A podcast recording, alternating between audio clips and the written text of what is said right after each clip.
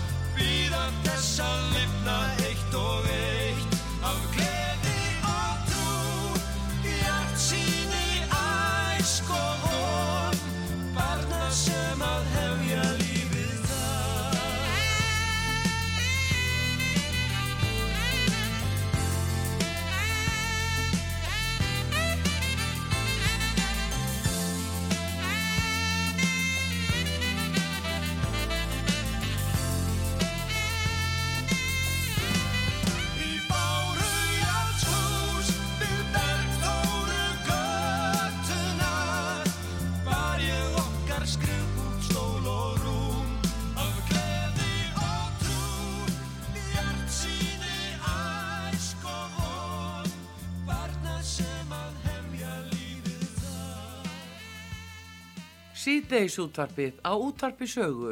Þáttastjórnandi Magnús Þór Hafstensson.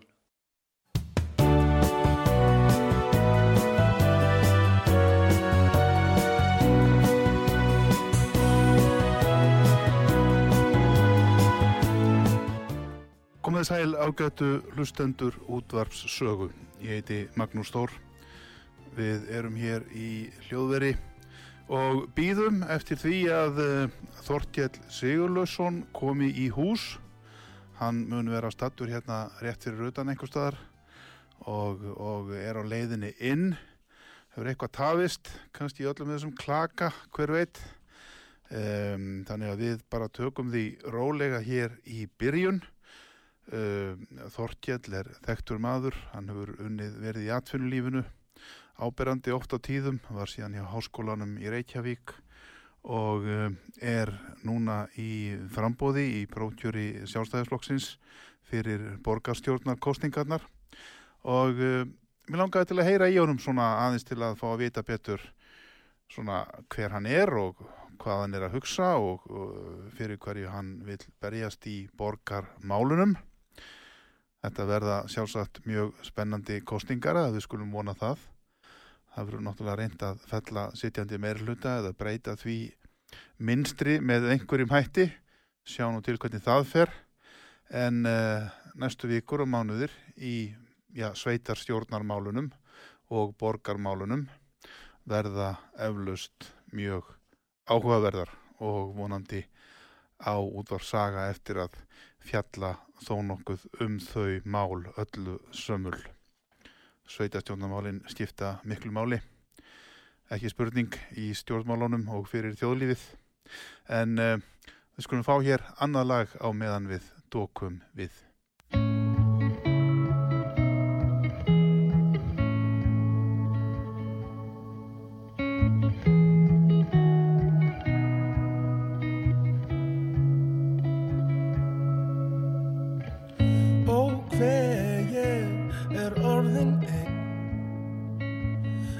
Felða fyrir þér.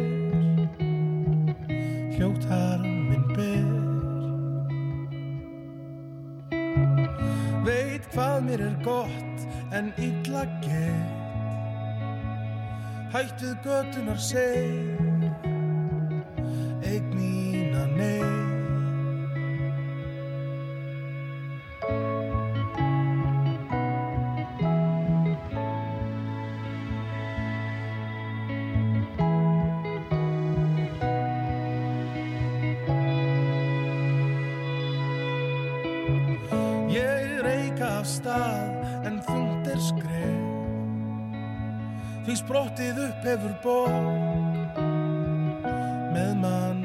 horg sem byrgir mér sín og heftir för. Húsinn hratt fjölga sér. Ég fastur er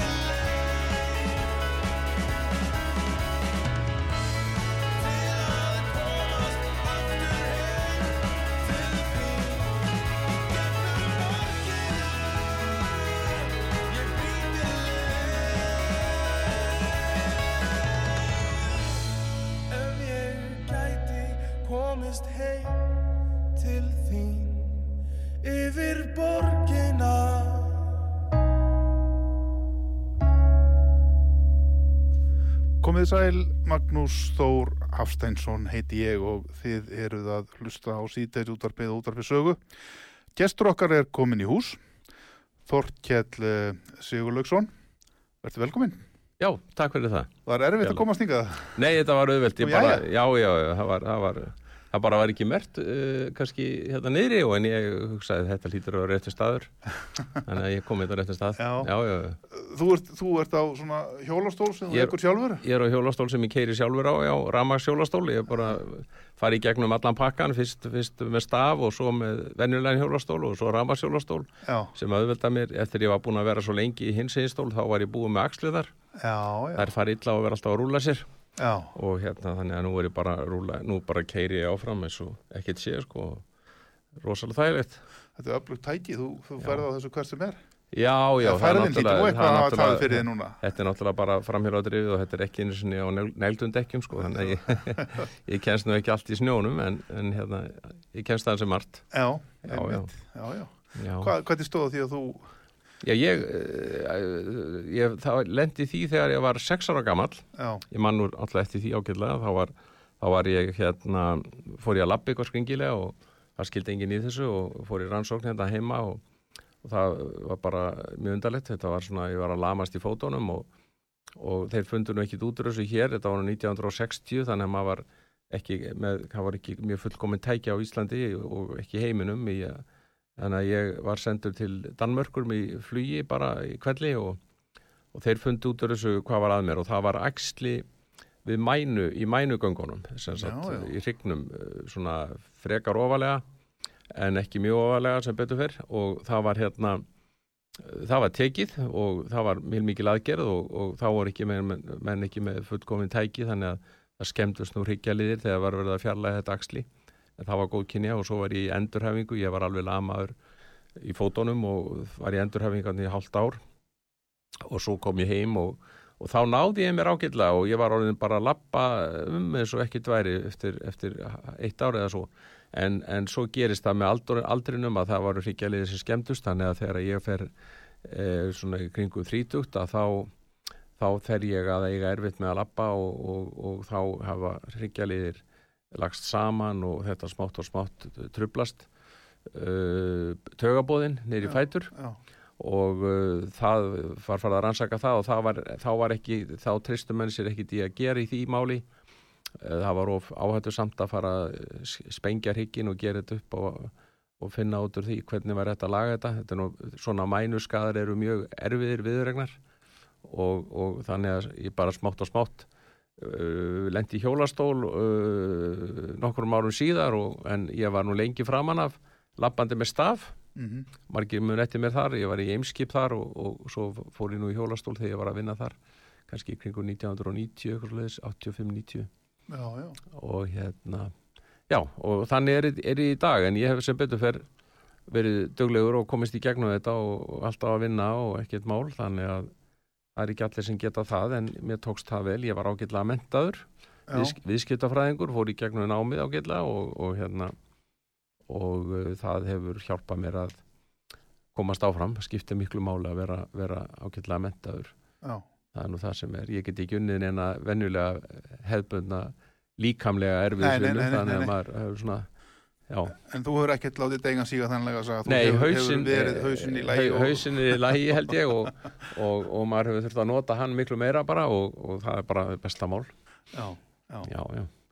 Þetta og alltaf okkar. verið bara í vinnu og vinnandi á fullu. Já, ég byrjaði náttúrulega að vinna í Eimskip þegar ég kláraði viðskiptafræðina og Já. þá var ég að vinna með Óttari Möller í tvö ár uh, og svo ætlaði ég nú að hætta uh, en þá hérna ringd hann í mig hann þegar hann var að byrja að vinna að hann hörðu Sigurgesson Mhm, uh, og uh, hérna ég var að vinna að ég ætlaði nú að hætta með list ekki á að vera hana og ringd hann í mig uh, hérna þegar, að, þegar hann var að áður hann byrjaði og var búin að ákvað frétti eitthvað af mér innan fyrirtækisins og spurði mig að ég ætlaði ekki að vera bara áfram með mér og breyta eimskip. Og ég hérna náttúrulega jú, þá var náttúrulega hvað getur maður gert annað? Ungur maður fá svona uppríkingu frá tilvonandi fórstjóra.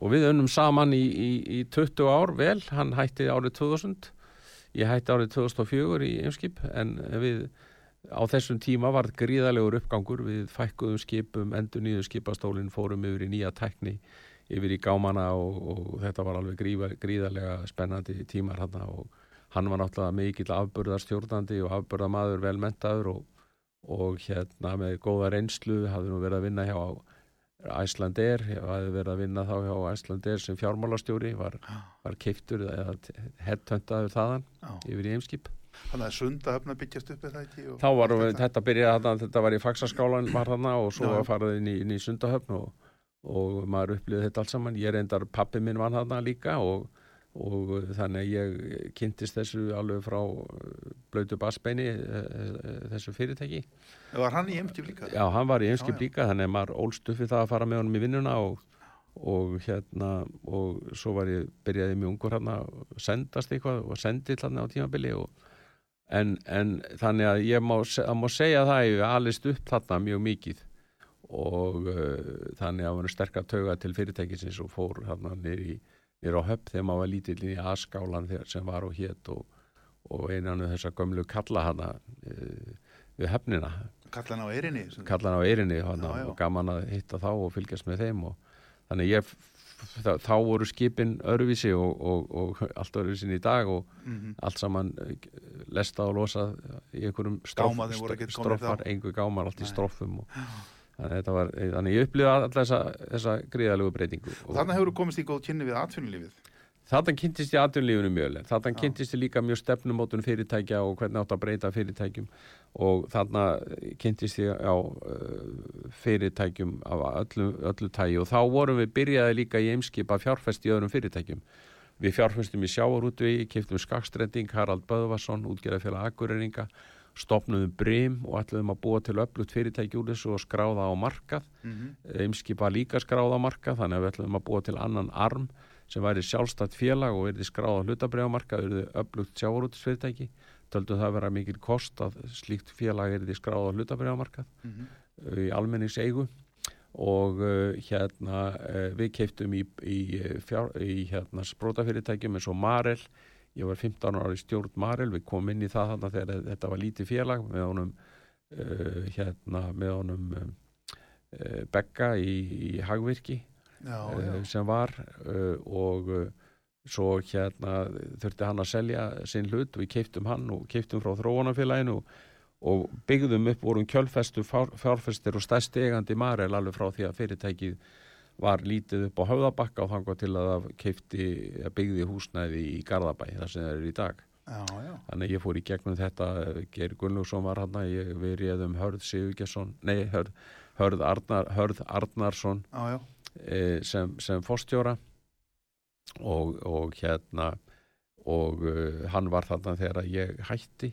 Ég hætti í Eimskip 2004 þegar að bankarnir yfirtóku, þú manst eftir því 2004 þegar að engavæðing bankana var. Mm uh, bankarnir voru seldir til svona ágæfumanna að mínum mati sem kunni ekki með bankarekstur að fara og, og, og úr því varð þessi kreppa sem að síðan varð bankarhund þannig ég rek, vil rekja svolítið upphaf uh, bankarhundsins til engavæðinga bankana 2003 uh, og þá eignaðast Björgólfur uh, uh, Björgólfarnir landsbankan og, og svo síshópurinn Ólafur Ólafsson og félagar eignuðust uh, búnaðabankan og svo kaupþing og uh, hérna þá leist mér ekki á að vinna í eimskip því þá var búið að þá voru bankarnir búin að kaupa upp þessi fyrirtæki þannig að 2000, og- sem ég skil ekki ennþá hvernig var leift Mm. að bankarnir keiftu fyrirtækin öll uh, Æslandir fór yfir til, til Íslandsbanka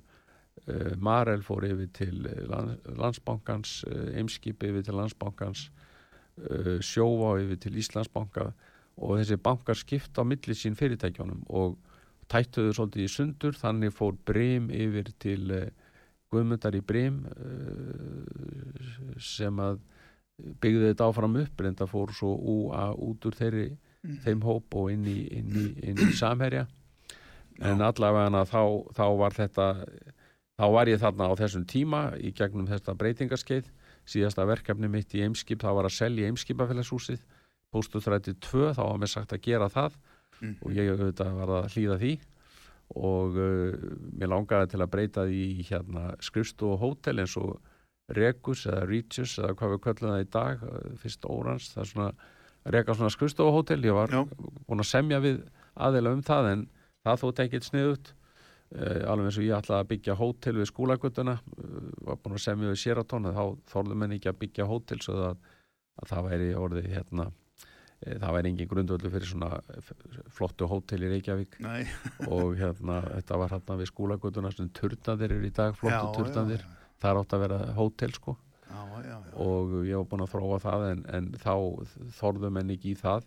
Og mjög sérstakt í þá voru eiginlega engin hótel komin og ég hafði mikla trú á ferðarþjónustunni og þetta er náttúrulega alveg rosa flottur staður fyrir hótel komið á réttum tíma er raun og veru ná Já, þessari já, uppsveiflu sem náð, síðar náð var, sko. uppsöflunni en, en, en það var be, be, staðin byggð þetta en þá seldi ég þetta hótel, nei, skrifstofuna pósturrætti 2 til uh, Andra Ingólfssonar uh, sem að var að reka hérna ferðarskristofu og, og hótelrekstur og kefti breytti þessu í hótel 1919 Mhm. uh, sem er núna hluti af hérna e, keðjunni, hvaða keðji er það aftur? Það er eitthvað, eitthvað þessum hótelkeðjum. Mhm. og uh, þeir hérna gerðu það ágætlega, þetta, þetta er flott hótel. En uh, það var náttúrulega byggt yfir allar innréttingar og, og þannig að, að það er ekki til neinar heimildir um húsið að innan, það er allt saman endur nýjað sem, sem herbyggi, hótelherbyggi Þetta þótti mjög fallet hús að innan, var það ekki? Jú, mjög flott, já, gamlar innréttingar og margir eflust margir sem að muni eftir því sem hlusta á þennan þátt. Uh, og hérna þannig að maður ólst upp þarna í vinnu uh, framan af og, uh, og uh, 2004 þá sem sagt uh, hætti ég og þá svona talandi um atvinnulífið þá Já. fór ég yfir til háskólans í Reykjavík. Mm uh, mér langaði að skipta um starf og, og það frétt að háskólinn í Reykjavík væri í uppbyggingu þarna í Ómaleiti Guðfinna Bjarnadóttir var rektor skólans. Og ég reyði mig þangað. Hún reyði mig bara í kvelli og sagði við mig já nú ætlum við að byggja upp skóla háskóla og mér vantar einhvern mann úr atvinnulífinu sem að vinnu með mér í því og, og ég er svona rektorinn og sé akademiska þáttinn þannig að við svona skiptum þannig með okkur verkum og ég var sem sagt í því að samena tækni háskólan sem þá hétt, var upp á höfðabakka tækni háskóli Íslands og, uh, og háskólin Reykjavík og þannig varð háskólin Reykjavík mjög öflugur tækni skóli, há, háskóli líka. Já. og, og síðan var sprungum við þarna á þessum stað. Við leiðum á tímabili gamla mokkahúsið, kringlunni 1 og breyttum því í, í aðstöðu fyrir háskólan, það var, það var vandaði húsnaði en uh, svo endaði með því að við ákvaðum að flytja í nautólsíkina Já. og ég var verkefnastjóri yfir því og bæði staðarvali og, og uh, verkefnastjóri fyrir bygginguna og var, var þar e, bólakafi í því akkurat þegar bankarhunni kom 2008, við byrjuðum 2007 að byggja húsið. Það náði að klárast þrátt fyrir bankarhun vegna þess að við vorum svona kannski svipuðum spórum og harpa, þetta var gríðalega stór og mikilvæg bygging. Hérna 30.000 uh, fermetrar og uh, við vorum að leggja áherslu á að, að ebla háskólastarf og, og menn vildi ekki stoppa húsið í miðjum klíðum. Mm. þannig að það var klárað og hérna og skólinn er náttúrulega gengur afspyrnu vel þar til frábær skóli Jú, bara mjög góð staðsetning er það ekki? Jú, jú, þetta er náttúrulega við vildum vera, ég vildi laða, áherslu að vera nálagt Háskóli Íslands, nálagt miðborginni Mhm. hinn valkostunum var að fara í Garðabæ urriðaholtið í Garðabæ sem þá var ekkit búið að byggja á Nei. og um, okkur leist ekki á það og, og þarna uh, komum við okkur fyrir uh, og uh, nefnendur vilja og ég held að sko þetta svæði er að þróast yfir í að verða svona háskóla samfélag þarna báðum við flugbröðina Já. og síðan erum við með hérna listaháskólan ekki langt í burtu sem er nú hérna hjá ykkur í tverhaldunni núna og að hluta til. Og hann fer nú reyndan í tollhúsið núna, það er búið að ákveða að listaháskólinn flyti þangað Úr þverjóldi. Hann hann er bæði út á lauganesi og, Einmitt, einmitt. og þverhaldinu og, og, uh, gamla landsmiðjuhúsinu líka þarna við ég veit ekki hvaða götu það til er það er þarna rétt hjá gamla útashúsinu við, við skólagötu já. þar eru þau líka Mhm. þannig að þeir fara þangað, ég var að vona að við kemur bara inn á okkar svæði eða inn á Vassmýrasvæði en allt í lagi, þeir verða þarna á þessu svæði en, en ég sé fyrir mér að Reykjavík verði háskólaborg, hún var hafnaborg og, og flughafnaborg getum við sagt, því svo varð flugvöllur þarna eftir uh, ja, höfnin byggðist upp þarna fyrir hundra árum síðan þá varð Reykjavík raunverulega hafnaborg og segja Mhm. og síðan kom flugvöllurinn á strísárunum og þá verðum við aðal flugvöllur millilandaflugs hér í langan tíma þanga til að raunverulega loftliðir keiftu þóttur sem gátt ekki lendi á Reykjavík flugvölli, föttuðu það þegar voru búin að kaupa þær held ég að. Mm. þá var það að fara til Keflaugur og hérna og uh, þannig var millilandaflugi flutt þangað. En síðan erum við á orðin háskólaborg líka og þar er ykkur framtíðin. Og, og ég var þarna til 2017 í HR og þá hætti ég og er bara svona að vinna sjálfstætt starfandi í svona verkefnu sem ég hef verið að taka að mér, hefur nú svolítið verið að vinna að þáttum á ringbraut maturlífið Mhm. uh, sem, að, sem að er Sigurður Kolbensson er með þætti. Það er nú líka verið hann hefur verið líka með þættina Lífið er lag. Þetta eru þættir sem eru nokkuð vinsalir á ringbrut og og hérna fleira sem ég hef komið að. En, en svo allt í hennu datt mér í hug að, að fara í hérna að bjóða mig fram í borgarstjórn. Já. og það gerðist nú já, spurning hvort við förum út í það núna eða Já, jú, hvort já, að- hvort það- vilt, það- hvort þú vilt eitthvað að spjalla. Ég er nú búin að vera að tala hérna út í eitt um, um mína sög og mitt atvinnulíf Þetta er náttúrulega mjög, þetta er mjög áhugaverður ferill og mjög góður ferill fyrir verðandi stjórnmálamann. Já. að hérna, þú gjör þekkir atvinnulífið og, og hefur Háskólasamfélagið, já. háskólasamfélagið, mentageiran og, og, og hefur sjálfsagt ímsar uh, hugmyndir varðandi þessa þætti sem eru mjög mikilvægir já, fyrir borg eins og Reykjavík. Já, já, þannig var það að menn voru að tala um þetta við mig nokkrir og reyndar hvort að ég hefði ekki bara áhuga að vera borgarstjóri ég saðist ekki vera fara í þá vegferð en, en, en svo uh, fór ég að hugsa málið og, og uh, samfærist um það að þetta gæti verið áhugavert að fara þarna á lista og uh, ákvað mjög til til að snemma bara að bjóða mig fram í annað sætið. Já, uh, að því að ég vildi svona hafa metna til þess að vera þá framalega og uh, kem eins og þú segir með reynslu, ég er reynslubolti úr atvinnlífinu þannig að mér fannst ég eiga erindi. Við glemum einu Og- þú hefur líka verið í félagsmálum þú hefur náttúrulega verið, þú varst í sjálfsbjörgu. Já, ég var í sjálfsbyrgu, já, ég var, ég var líka uh, stjórnanformaður sjálfsbyrgar heimilisins og hef unnið með sjálfsbyrg, þannig að ég komið að málefnum reyðuhamlara, ég er líka formaður velferðanemdar sjálfstæðisflokksins, Já, þannig að ég hef komið að því en ég hef aldrei verið í frambúði, ég hef aldrei komið nálat stjórnmálum sem pólitíkus nei, og uh, hef svona ekki eftir kannski sérstaklega áhuga á því en, en það er svolítið öðruvís að vera borgarfulltrú heldur en að vera alþingismæður ég hefði frekar, frekar áhuga því að vera borgarfulltrú það er svona höfða betur til mín heldur en alþingi. Já, og það er það sem að ég hef sem sagt let tilleðast og fór í þetta. Þú ert borin og barðfættur Reykjavíkingur.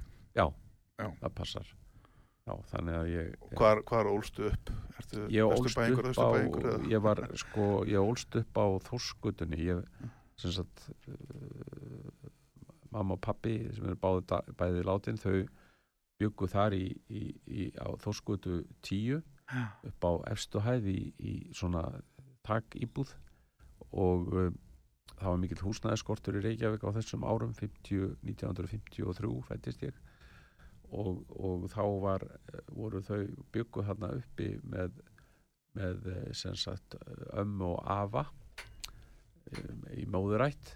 Já, og uh, við hérna vorum þar þangað til ég var fjár ára. Og þá flutt ég í vestur í bæ, þá flutt ég í, í hérna á ásatakötu 12 uh, þar sem að núna er uh, hús hans Þórarins Eldjátt Þórarinn Eldjátt kifti húsið af pappa Mhm. á sínu tíma þegar hann, uh, hann erði það af fóröldur sínum.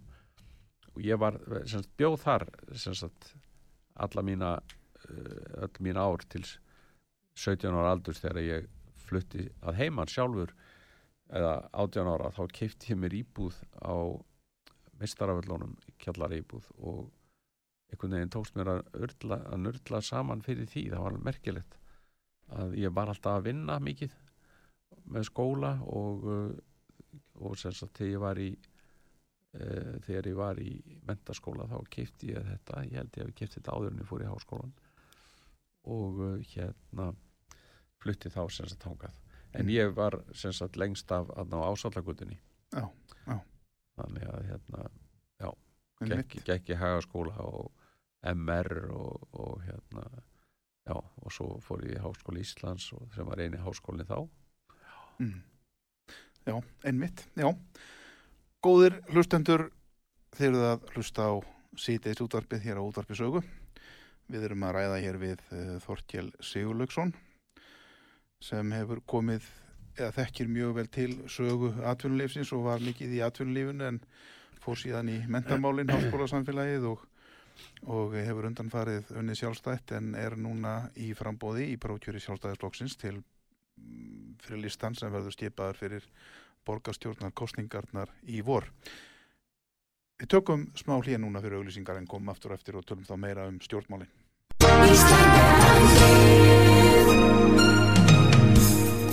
Styrtareikningur útvarpsögu í Íslandsbanka á Granda.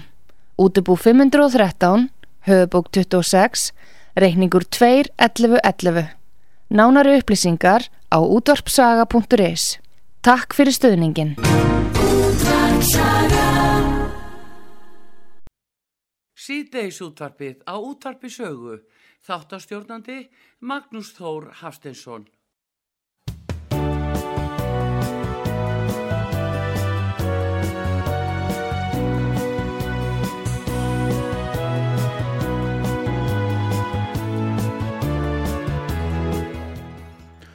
Komið sælatur, ég heiti Magnús Þór, þið eruð að hlusta á síðdeis útvarpið og sögu. Hjá okkur er Þorkjell Sigurlaugsson. Uh, hann er núna í frambóði í brókjöri í sjálfstæðisflokksins til borgarstjórnarkostningana og sækist þar eftir öðru sæti.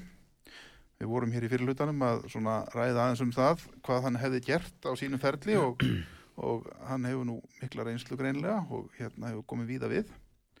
Þú lítur á þetta mjög marga. Já, ég þekki, þekki, þekki marga og já, ótrúlega marga svona og, og hérna um, en fleiri kannski sem að þekkja mig eh, heldur en, heldur en, heldur en hérna ég vegna þess að ég hef náttúrulega komið svo víða við og þegar ég var í hérna ymskip þá var ég náttúrulega í svo mörgum vissmunandi störfum hana Mm -hmm. og uh, menn muna eftir mér þá úr ymsum áttum að því að við vorum að koma svo víða að fjárfestingum og, og svo náttúrulega í HR þá hef ég kynst ungu fólki Já, mjög mikið. já, og það er bara það er mikið ungu fólki sem þekkir mig en ég þekki nú alls ekkit alla sem þekkja mig. Það, ég er náttúrulega svo, svolítið eftirminnilegur að því ég er í hjólastól. Margir sem spurja hver er þetta og þá kynast mann mér og, og hérna þannig að, að uh, ég er að vonast til þess í mínu frambóði að þeir sem þekkja mig þekki mig af góðu einu og, uh, og ég hérna fái góðan stuðning verandi uh, úr, úr atvinnulífinu sem ekki kannski allt og margir uh, borgar fulltrúar hafa reynslu af það eru svo margir sem eru búin að vera þarna meira og menn í pólitík eða, eða kom ekki með mikla reynslu úr atvinnulífinu og ég ætla að leggja mikla áherslu á atvinnumál já. Ég hef mynd verið að lesa greinar sem þú hefur verið að skrifa undanfarið og byrta já, og það er einn grein hér sem segir til dæmis stöðum fyrirtækja flóttan úr Reykjavík. Já, og þú rekur þar en verið nokkur dæmi sem eru já, svo litið sláandi sko. Uh, fyrirtæki sem hafa farið úr Reykjavík og flutt sig yfir í já, uh, nágrana sveitafélögin Síslumadurinn fór til Kópavóks Íslandsbanki fór í Kópavók Tryggingastofnunin fór í Kópavók uh, Orkuhúsið við Söðurlandsbraut líka í Kópavók Hafró fór til Hafnarferðar Vegagerðin til Garðabæjar Tekniskólin fyrir hugar flutning til Hafnarferðar og Æsland er líka já, uh, þetta er nú ekki mjög svona glæsilegt. Þú Nei. líka bendir á Maril hafa á sínum tíma farið í Garðabæ. Já, það var, það var árið, árið 2000, þá hérna, ákvaðum við að þá var ekki Reykjavík og Borg neitt sérstaklega að sína okkur áhuga frekar en núna, það hefur verið þaldið, þannig að Reykjavík og Borg hefur ekkit verið að sinna atvinnulífuna því liti til að að atvinnulífstengslin hafa verið slöpp, það var hérna jú á tímabili fyrir uh, deild eigna og atvinnuþróun sem átt að vera svolítið tengslanet við atvinnulífið.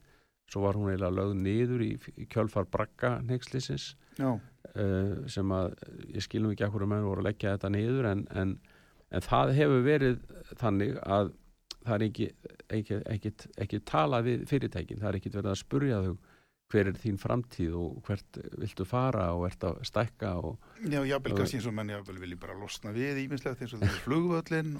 já, já, Hvað hvað, hvað er þín afstæði því máli? Ég, ég er náttúrulega til að flugvöllurinn hann eigi bara að vera þarna og hann fer ekkit fyrir að sko, hann þurfa fyrir að annarkvort á að leggja niður. Já, það getur vel verið að hann bara degi eða, eða það verði ekki lengur þörf fyrir hann. Þá auðvitað leggst hann af bara og fer hann ekkit þá leggst hann bara af uh, og kannski leifarnar þá ef það er eitthvað sem er eftir þá fer það til keflavíkur. Uh, en ég sé ekki alveg að menn byggja nýjan flugvöll vegna þess að það kostar óheimju fjö og ef menn byggja nýjan flugvöll þá munum menn ekkit gera það fyrir innanlandsflugið heldur þá fyrir að eiga annan valkost. Veri ekki með eitt flugvöll á kannski svæði sem er nú eldgósa svæði geti verið áhættu samt að, að veri ekki með annan. Þá myndi hann ekki vera byggður þarna ykkur staðar á, á, á, í kvassarhaun eða ykkur staðar þar, það er Mm. alveg á og frá. Þannig að, að það er þá byggður flugvöllur ykkur staðar á Suðurlandi eða ykkur staðar sem væri hérna eh, fjarlægð, meiri fjarlægð frá, frá Keflavík. Það er nú einn sta- stærsta útgjæra fyrirtæki landsins en nú í Reykjavíkur höfn og já, já, já, það já, er svona, það virðist vera einhvern veginn já, já, út á einhverjum svona hanabjálka, sem má segja. já, já, Eh, Slippurinn var næstu því farinn, já, já. fór nú ekki sem betur fer því að hann virðist hafa mikið aðdráttar bara Já, fyrir mannlíf í auðvitað, kringum höfnina. og, Túristafnir vilja, finnst gaman að hjá skipin og, og hafa breym hérna skipti og miklu máli já, þetta líf. En þér finnst borgin hafa sínt fálæti? Já, það hefur verið þannig að það hefur ekki verið haft uh, að fyrrabræði samband við fyrirtækin svo hafa verið haldin haldna flottar einhverja glærukynningar í ráðhúsinu þar sem að alltaf verið að sína einhverja framtíðarsýn og einhverja flottar uh, framtíðar hugmyndir en, en þetta er aldrei unnið með fyrirtækjunum í, og lítið talað við íbúana fyrrabræði. Já, þannig að þetta er það sem mér finnst vanta algjörlega. Og og hérna myndi vilja byggja upp alveg öfluga svona atvinnulífstengsla uh, einingu eða deild sem að er bara í því að vinna fyrir atvinnulífið, halda fyrirtækjum í borginni, tala þess vegna við fyrirtæki í nákvæmlega sveitafélagunum og spurja þau hafið áhuga að koma til Reykjavíkur? Því að uh, fólk fylgir fyrirtækjunum. Til og með þegar að Marel fer þá er ég alveg viss um það að margir hafa flutt í Garðabæ líka. Já, og vilja verið nálagt uh, tala ekki um út af umferðakrísu hér í borginni þessum umferðateppum að þú vilt vera nálagt fyrirtækjunum sem þú vinnur í. Þannig að, að þetta er mikið hagsmunum álíka bara uh, útsvar þá starfsmannana og fastegnagjöld uh, fyrirtækjana þannig að ég skil ekki þetta uh, sinnuleysi og uh, þannig að ég er bara fullan skilning á því að, að það þurfa að auka þessi atvinnulífstengsl samgöngumálin, Já. nefnir þau. Já, svo er það samgöngumálin að ég hérna eh, vil bæta almenni samgöngur, eh, það bara eru, það eru ekki, alls ekki í lagi í dag. Uh, ég er með miklar efasemtur um borgarlínuna, ég hef ekki viljað taka einhverja algjöra hreina afstöðu með á móti en ég hef sagt uh, það þarf að endur skoða þennan svo kalla samkvöngu sáttmála milli ríkis og borgar og, og sveitafélagin ágrannar sveitafélagunum. Það er nú líka verið að skipta um uh, borgar fulltrúa í uh, bæði hvað í Reykja, í Kópavogi og er ekki líka verið að skipta um í það líka koma nýri í Garðabæ þannig að það er mjög eðlilegt að ef að við náum meiri hluti í borginni að þá viljum við ræða við nákvæmlega sveitafélagin og ríkið hvað með þessa blessuðu borgarlínu? Um hvað snýst hún? Mm uh, og er hún að þjóna okkar hlutverki eða því hlutverki sem hún á að sinna, er hún ekki alltaf dýr? Er hún ekki alltaf seinleg, er hún ekki alltaf mikið umrót og, upp, og uppgröftur á borgarkerfinu? Sem sagt það og að ja, umbylta hér heilu gödónum eins og Suðurlandsbraut þrengjana setja umferðina almenningssamgöngur í miðjuna og, og einhverja bílaumferð sikkurum megin, eina agrein Mm. þetta er alveg eh, galið einhver hugmynd sem að ég skil bara ekki að gangi upp þannig að maður sér fullt af hugmyndum að það sem er alveg út í hött að mínum mati og það er náttúrulega mótar það neikvæðinni í gagvart þessu Mm. svo kemur á móti að maður vill bæta almenningssamgöngur þannig að maður vill ekki neita því að horfast í augu við að þetta hefur verið unnið og maður vill skoða hvað er notæft að þessu og er hægt að gera þetta einfaldara, ódýrara bæta almenningssamgöngur samt Mhm. sem áður uh, og það er eitthvað sem ég vil þá bara fara yfir og uh, vil þar að leiðandi ekki borgarlínu eins og hún er hugsuð ekki svona einhverja dags borgarlínu sem ég treyst ekki að sé endilega brúklega eins og frekar en ímislegt annað þannig að ég vil ekki áherslu á það að það verði endur skoða mjög vel án þess að, að draga úr mikilvægi almenningssamganguna sko.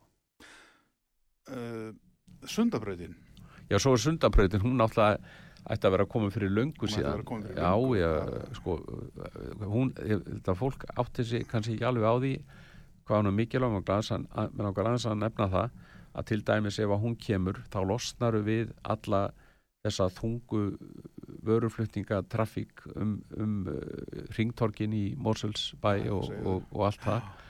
Gríðaleg sóun á, á, á tíma og, og, og orku þessara flutningstækja. Og, og með því að fá sundabraut þá ertu líka að létta að- gríðarlega mikið á allri umferð um uh, þetta svæði og, og um ártúnsbrekkuna. Þannig að þú ert komin með tengingu við gravarvogin og, og svo geldinganesi þar sem er þetta að byggja upp líka eh, árs, ár, ásne, ár, Á- ár, Álfsnes. Álsnes hérna Kjalanesi það er þetta byggja upp íbúabyggð þarna ég vil vika íbúabyggðina þarna upp yfir og eins með eh, Kjeldnarlandi þannig að það opnast fullt af möguleikum þegar að sundabraut kemur fyrir, fyrir finnst þetta- borgina þannig að þetta er bæði spurningum framtíðar uppbyggingamöguleika fyrir borgina Mhm. uh, uh, fyrir atvinnufyrirtækin að geta farið út á land og fólk tenging við landsbyðina fyrir landsbyðina er þetta greiðarlega mikilvægt. Já. og fyrir svona borg eins og okkur sem erum höfuborg við höfum bara að leggja áherslu á það að þjóna öllu landinu og þetta er bara partur af því að tengjast betur inn á Vesturlandi. Og uh, mér finnst þetta bara sorglegt að það skulle ekki hafa verið lögð mikil áherslu á þetta. Því svo ver, er þetta tekur þetta núna við segjum ákveðum þetta, keirum þetta núna þá tekur þetta ykkur 7-8 ára að byggja þetta upp. Þetta er bara, Já, já, bara þetta mannverki, mér finnst alveg Já. með ólíkindum eins og til dæmis það að sko Geldinganesi að það skulle ekki hafa verið byggt þar. Já, Eh, það var ákveðið bara í borgarstjórn að það ætti bara alls ekki að gera það. Já. Ef maður lappar upp í Geldinganes og ég hef nú gert það oft og hérna og, og Já, skoðar, það? Já. skoðar það og, já, og horfir þarna yfir að þetta er frábært byggingaland. Þetta Já. er svo fallegu staður. Já, og, og hérna þetta er því svo flott. Já, að hérna að, að mér finnst þetta alveg ótrúlegt að þetta ekki hafa verið nýtt þetta land til að byggja á. Já, uh, og svo náttúrulega áfram upp á Álsnes og síðan upp á Kjalnes Mhm. og líka maður stendur upp á Gjaldinganes og horfir yfir þá sér maður hvað þetta er stutt í raun og veru þessi sund þarna yfir upp á Álsnesið og síðan Já. áfram. Já, uh, síðan brú þá yfir Kollafjörðinu upp á Kjalnes og þá var þessi tenging komin. Já ég hefði bara Að- viljað að- byrja strax við Kollafjörðin, byrja þar bara það er verið að gera heilmikið já, já, já, það hefur verið að tvöfalda Vesturlandsvegin og- og tvöfalda hérna- hann og og halda bara þar áfram byrja þeim megin frá. Já, já, ef að borgin er ennþá að klóra sér í haustum og ef að uh, áfram verður sami meiri hluti sem ég vona nú ekki en, en uh, segjum svo að þá eru menn ennþá að klóra sér í haustum hvernig á þetta að vera brú eða göng eða hvernig en bara verið ekki að stoppa neitt, bara byrja á þessu þá hinum megin frá. Eða líka byrja bara Og- okkur megin og fara út í Gjaldinganes með almennilega veg og byrja Já, svo- bara byggja þar Já, íbúðum já, svo er bara byggja þetta byrja þar líka byggja. Það það reysa hann alveg svakalega flott hverfi. Já, þannig að uh, við verðum að gera þetta, við verðum að vika út uh, borgamörkin og byrja að byggja an annar staðar, þannig að það er eitt brínasta húsnæði að búið að koma hérna á gríðalegri húsnæðiskrepp jú, jú, sem Bara- er alveg óskýlanlegt í landi bara- sem uh, Já, hefur ótakmarka landrými. Það vandraði sér húsnæðiskort. Já, þetta er alveg ótrúlegt. Þannig að það er svo mikilvægt núna ef við vinnum ekki borgarna núna og náum meiri hluta og maður er á þetta vona að maður náum þá meiri hluta með einhverjum flokkum sem eru tilbúin að vinna með okkur. Og, og við bara horfi, ég ætla ekki að nefna en nöfn hvaða flokkar, flokkar það væru en, en það er ekki allavega samfélkingin en það eru auðvitað flokkar sem eru nær okkur uh, bæði viðreistn og framsókarflokkurinn og flokkur fólksins og þetta er allt flokkar sem að eru og, og miðflokkurinn er nú reyndar hann kannski aðeins veikari stöðu núna í ögnablikinu en hún er hann inni, hún Vigdís uh, Haugsdóttir og, og svo erum við náttúrulega með flokk fólksins sem að hefur fekk meira fylgi í uh, alþingiskostningunum og þetta er allt flokkar sem geta unnið, við erum sjálfstæðisflokkurinn er það breyður flokkur. Hann er flokkur allra stjætta ef við getum orðað það svo. Og það er ekkit eh, ekkit vittlust að tala um stjætt með stjætt lengur, það er ennþá stjættir í þjóðfélaginu, mismunandi stjættir og það er eiga allar að vinna, vinna sem ein, einn aðili. Mm. og við viljum auðvitað vinna sem, sem breyðastan hóp reykvíkinga. Þannig að þetta er eini flokkurinn sem getur náð þessari breytt að vera leiðandi í borginni. Er það bjart sín á gengi flokksins? Ég er mjög besinn, já, Já. Og, og fullt af góðu fólki sem er að bjóða sig fram þannig að ég, ég bara Er prókjörsbaratan hún er að byrja? Eða hvað? heyrðu, hún er, hún er auðvitað byrjuð en uh, Prókjör verður haldið hvað, átjánda? það er, mars, það er haldið hvað? 18. til 19. Já, 19, já. Þannig að eh, sko fyrir utan þetta þá legg ég áherslu á velferðamálin já, ég ætla að tala með þig með það Auðvitað, núna já, einmitt. eldri borgara. Já, uh, ég bauð mig nú fram í uh, félag eldri borgara sem formaður uh, gegn sítjandi formanni, hætti við það. Og uh, það var bara vegna þess að ég varð fyrir bæði alls konar aðkasti og sem ég nenni svo ekki að taka þátt í því að þarna eru menn í stjórn sem að ég þarf að vinna með. Og svo er líka margir félaga mínir í flokknum þeir þeim fannst ég ekki eiga að vera að bjóða mig fram gegn sitjandi formanni sem er að standa sig ágætlega og, en það er náttúrulega, ég vildi nú bara fara svolítið með nýjar áherslur, ég er svo ungur en þá, ég vildi kalla þetta 60 plus, ég vil bara fá þess að þetta fólk inn sem er yngra 60 Já. til 70 ára já, byggja upp atvinnumiðlun, byggja upp uh, sam, þarna, samskiptatorg, vera með nota internetið, uh, fara svolítið nýja leiðir í, í, í, í starfsemi, kalla þetta einhverjum öðru nafni en eldri borgarar, þetta er bara eldri íbúar og uh, við erum hérna, þurfum að vera uh, félag sem allir kom inn í, sem eru konu á þennan aldur. já, Þannig að ég legg áherslu á, á, á velferðamálin, atvinnumálin og síðan uh, skipulagsmál, skipulags- og samgöngumál. Þetta Já. eru mínar höfuð áherslur og það er ekki að gera lítið úr skólamálum eða, eða menningamálum og svoleiðis eða íþróttastarfi. Maður verður náttúrulega bara að einbytta sér einhverjum ákvörnum þáttum. Þetta er svona það sem ég ætla að leggja áherslu á. Velferðamál, atvinnumál og, og, og svo hérna skipulags- og, og, og samgöngumál og húsnæðismál. talandi um eldri borgarana og Já, já, já, málefni fallara já. hvað viltu helst gera þar? Við Eða, fallara, eða fól- málefni fólks með stjerta starfsorku já, með skerta starfsósku. Já, sko, það er náttúrulega bara, það þarf að reyna að auka atvinnutækifærin þar og það er fullt af möguleikum í því, eins og menn sjá að ég er nú bara hreyfihamlaður og þetta er nú búið að breyta nafni sjálfsbergar í félag hreyfihamlara en ekki, ekki fallara því að þannig eru þetta ekki inn í blindir eða, eða þroska skertir eða, eða hérna fólk með ymsar aðrar skerðingar. Þarna er fyrst og fremst fólk sem er hreyfihamlað sem að e, það e, var, e, var svona grunnurinn að e, búa til aðgengi fyrir þá og atvinnu og aðgengi að samfélaginu. Já, þannig að, að þetta er fyrst og fremst þannig félag. Svo erum við með félag fyrir aðra blinda, mm þroska, þroska hjálp og, og, og, og fleira. Og við auðvitað vinnum saman öll já. og hvað finnst þér að borgin gæti gert fyrir Þessa getur auðvitað, borgin þarf að leggja áherslu á húsnæðismálin Já. sem hún reyndar hefur verið að gera einhverju marki en það þarf að gera miklu meiri í því. Byggja upp húsnæði sem að þessir aðalar ódýrt húsnæði sem þessir aðalar geta nýtt og svo að, að hjálpa til við atvinnumálin stöðlaði að, að skapa atvinnum fyrir þennan hóp og borgin ætlum að vera með 11 til 12.000 það er 11 til 12.000 f- manns að vinna hjá borginni. Ég bara trúðis ekki þegar ég heyri þessa tölu milli 11 og 12.000 manns sem vinna hjá Reykjavíkuborg já, já, með beinum eða óbeinum hætti. Og, og hérna og það ætti nú að vera heimatökin að, að ráða eitthvað af fólki í vinnu.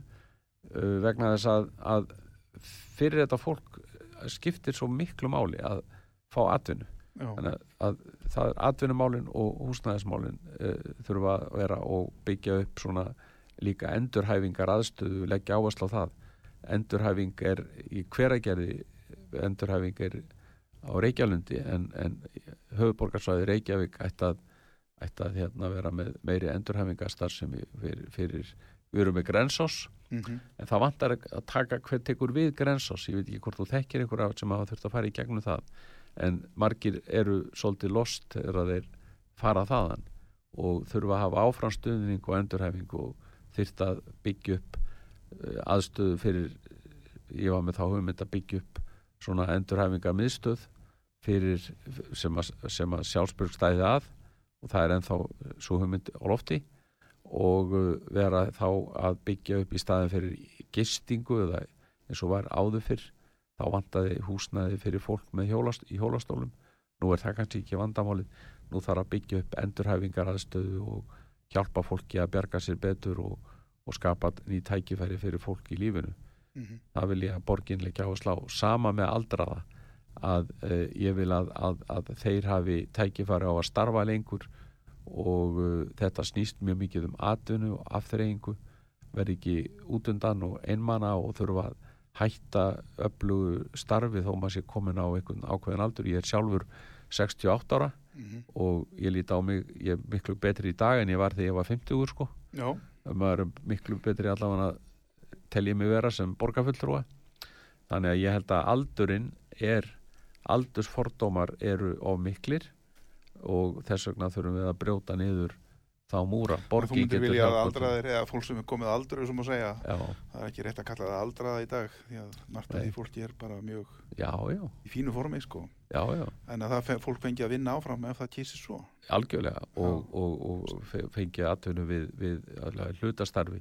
Ég sá nú bara fyrir mig til dæmis vant, það vantar yðnaðamann til að gera við vaskin hjá manni og það vantar yðnaðamann sjónvarpi ég kann ekki á að þetta er svo flókin tæknilega að séð eitthvað og, og það er einhverju menn sem eru hættir að vinna og eru ekki treysta sér ekki til að vera pípalagningamenn í fullri vinnu uh, en þeir væru sko til í að koma heim til mín á morgun uh, og laga hjá mér vaskin er stíplaður eða eitthvað bilað í, í Meina, það, það, það, það er þetta að búa til verkefni sem þjónar okkur sem að þurfum að fá svona þjónustu og erum ekki að fá hann og kostar mikið. Og svo fyrir hina sem eru hættir föstum störfum en Já. Eru fínir lagfræðingar eða pípar eða rafvirkjar eða eða stjórnmálamenn eða stjórnmálamenn, þú getur nota þá í fullta vinnu við, í reitstörf Já, já, uh, hérna út að saga og að vera með fullt af fólki hérna sem eru eh, eldra fólk og, og það er það í dag reyndar, er það Já. ekki? Þannig að það er hérna það er, það er, það er hérna bara, það verður engin var við það. Núna er ég að tala hér 68 ára gamall. Já, og ég vona að menn sé ekki að finna það að, að aldurinn sé að trubla mig. Og, Nei, og hérna þannig, að, þannig er þetta með okkur mörg flest. Já, aldurinn er ekki að trubla okkur og, og við erum rekin úr vinnu. Ríkistarsmunur reknir læknar já, þekki læknar sem eru 62, 34 ára fullu fjöri og það vantar lækna en þeir verða hægt að vinna.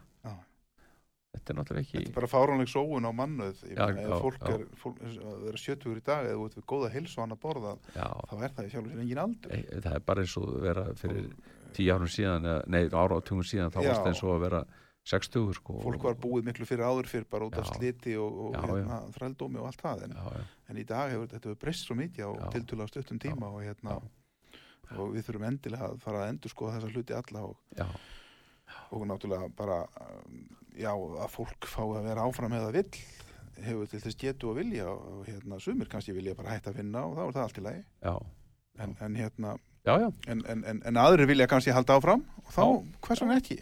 Akkurat. Þannig að hérna, já, já. En þú ert hérna, já, það er nátt að lesa hérna, um þessi stefnumál þín öll sem er í þessum greinum og þú ert með eigin heimasíðu. Ég er með heimasíðu sem er mjög einföld, það er bara Þorkell Sig með THI, Já, Þorkell Sig, at, bara þorkellsig.is, já, það er mín heimasíða. já, Svo er ég líka á Facebook auðvitað sem Þorkell. Já. Og hérna, þannig að það er þetta nálgast upplýsingar um mig þar, best er að fara inn á heimasíðuna. Svo er alltaf að ringi mig, ég er bara í símanum, Já, þannig ef ykkur vil spjalla við mig og ég er að fara að reyna að sinna betur því að ringi fólk en hér eru margir kjósendur í Reykjavík og ég kennst ekki yfir mjög marga, það ringi marga þannig að það var gaman að koma hingað og fá að tala við fólkið sem er að hlusta hérna. Já, og hérna þannig að ég, ég veit ekkit hvort að það hérna, það eru öruglega margir sjálfstæðismenn sem hlusta en það eru fólk úr öllum flokkum og það er hérna er þetta ekki með þetta í prótjúri sjálfstæðisfloknum að menn geta náttúrulega bara, ef þeir vilja styðja einhvern eða eitthvað taka þátt í þessum prótjúrslaga þá geta þeir bara gengið í flokkin og Jú, ég vil endilega hvetja fólk til þess náttúrulega, það er, það er allir, það geta allir gengið í flokkin sem eru þar ekki það og, er náttúrulega frækt í íslenskum og stjórnmálum menn þurfa bara að kynna sér það hvort þeir eru skráðir í flokkin Já, já, og, og svo geta menn farið úr honum aftur, ég mæli nú ekki með því uh, og vilja bara stiðja ákveðin mann en, en, en hérna best er að menn séu bara í þessum flokk. Það er engin kreppa varandi það að fá fólk til að starfa í stjórnmálum er það hérna Ég veit það ekki, jú, það er svolítið kreppa að því liti til að, að fá gott fólk. Gott fólk, ef ég orða það svo.